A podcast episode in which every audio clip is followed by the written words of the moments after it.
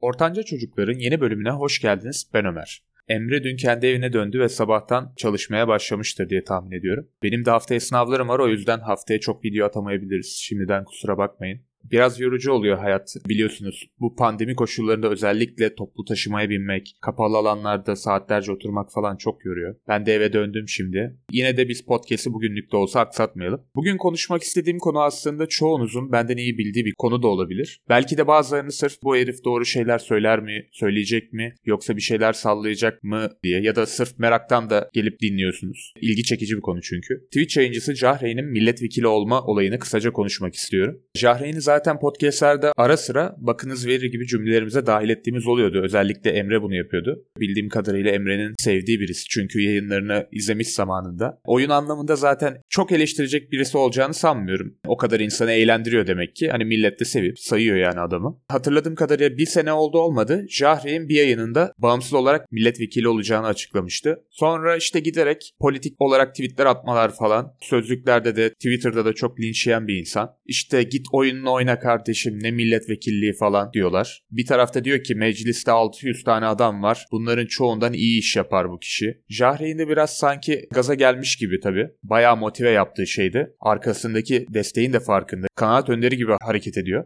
Yani bu moda tam olarak nerede girdiğini de bilmiyorum. Hatta az önce bir arkadaşımla fikir paylaşmak için konuşmuştum. Kendisi de sıkı bir Twitch izleyicisi. Papaza selam olsun buradan. O da tam olarak böyle bir göreve ya da önderliğine ne zaman büründüğünü anlamadığını söyledi. Ama özellikle milletvekili olacağını açıkladıktan sonra daha keskin bir karakter de çiziyor. Bazısı acayip tilt oluyor adama, bazısı da ölümüne savunuyor. Yani bildiğin artık Twitter'dan siyaset yürütüyor. Geçen Fatih Altaylı'nın yayınında da güzel ifade etmiş her şeyi. Çoğu insan beğenmişti. Benim gördüğüm kadarıyla Jahre'in bir önderden çok kendisini takip eden kitlenin ki bu kişilere direkt Z kuşağı deyip geçmeyeceğim. Belki daha da küçükler var. Bu kişilerin duygularını çok iyi yansıtıyor bence. Mesela Jahre'in muhalif tabii ki. Sert ve yerinde tweetler atıyor ama bir bakıyorsun muhalife de muhalif oluyor. Geçen mesela İBB'deki bir durumu da eleştirmişti. Kendi izleyeni ve onu destekleyenleri ya çok iyi anlamış ya da direkt bu insanlar gibi bir insan. Jahre'in aslında biraz sonuçlardan ortaya çıkmış bir adam siyaset anlamında. Benim gözümde tam bir duyar makinesi bazı zamanlar ama yanlış bir iş mi yapıyor? Yo gayet iyi aslında. Sürekli bir şeylere duyar kasan tweetlerini okumadığınız takdirde itilmezseniz adamda. Tanımayanlar için antipatik geliyor bence. Yayıncısın ne işin var senin böyle işlerle falan diyorlar. Ne uğraşıyorsun siyaset gibi konuyla falan diyorlar. Yani kısmen haklı olabilir insanlar ama Jahreyn'i yüreklendirenler ve destekleyenler de bence bir yerde haklı. Jahreyn yeni bir zihniyeti ve gençliği temsil ediyor bence. Kendine güveniyor. Seveni de çok. Milletvekili olsun mu? Bence olsun. Kime zararı var değil mi? Ama kime yararı olur onu hiç bilmiyorum ve olacağını da sanmıyorum. Bizim sorumuz zaten genelde bu. Hemen bir önder, lider gelsin de bizi kurtarsın kafası. Gençler heyecanlanıyor belki de adam büyük işler yapar diye de. Seni kalkındırabilecek tek kişi sensin aslında. Tabii ki de ülkeni seveceksin, ülken için bir şeyler yapacaksın ama günün sonunda sen bir bireysin. Bugün yaptığın şeyler tamamen yarınını şekillendirecek şeyler. Özellikle gençlerin son çıkış noktası siyaset ve burası çözüldüğünde çoğu şeyin çözüleceğini düşünüyorlar ve o yüzden bu kadar Jahreyn'de sükse yaptı bence. Gel gelelim hiçbir siyasetçi, hiçbir kişi ülke üzerinde büyük değişikliklere kolay kolay yol açmaz bence. Zaten açabiliyorsa anlayın ki o ülke ya geri kalmış ya da gelişmekte olan bir ülkedir.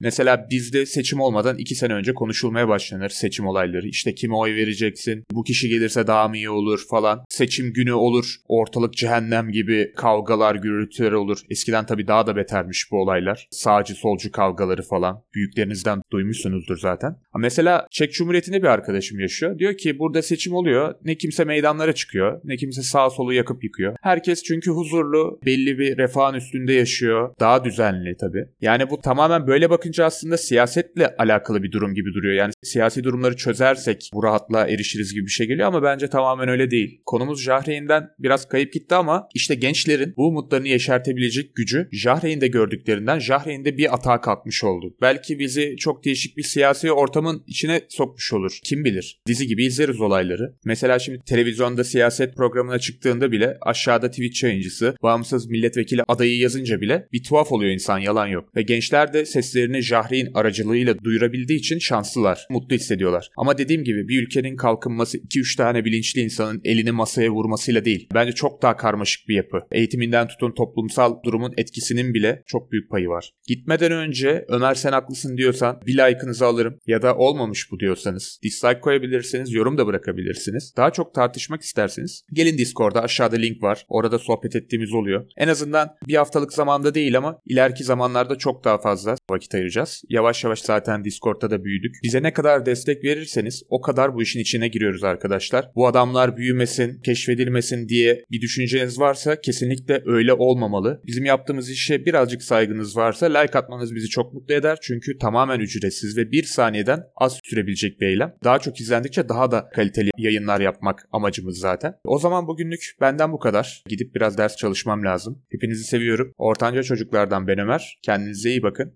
Hoşçakalın.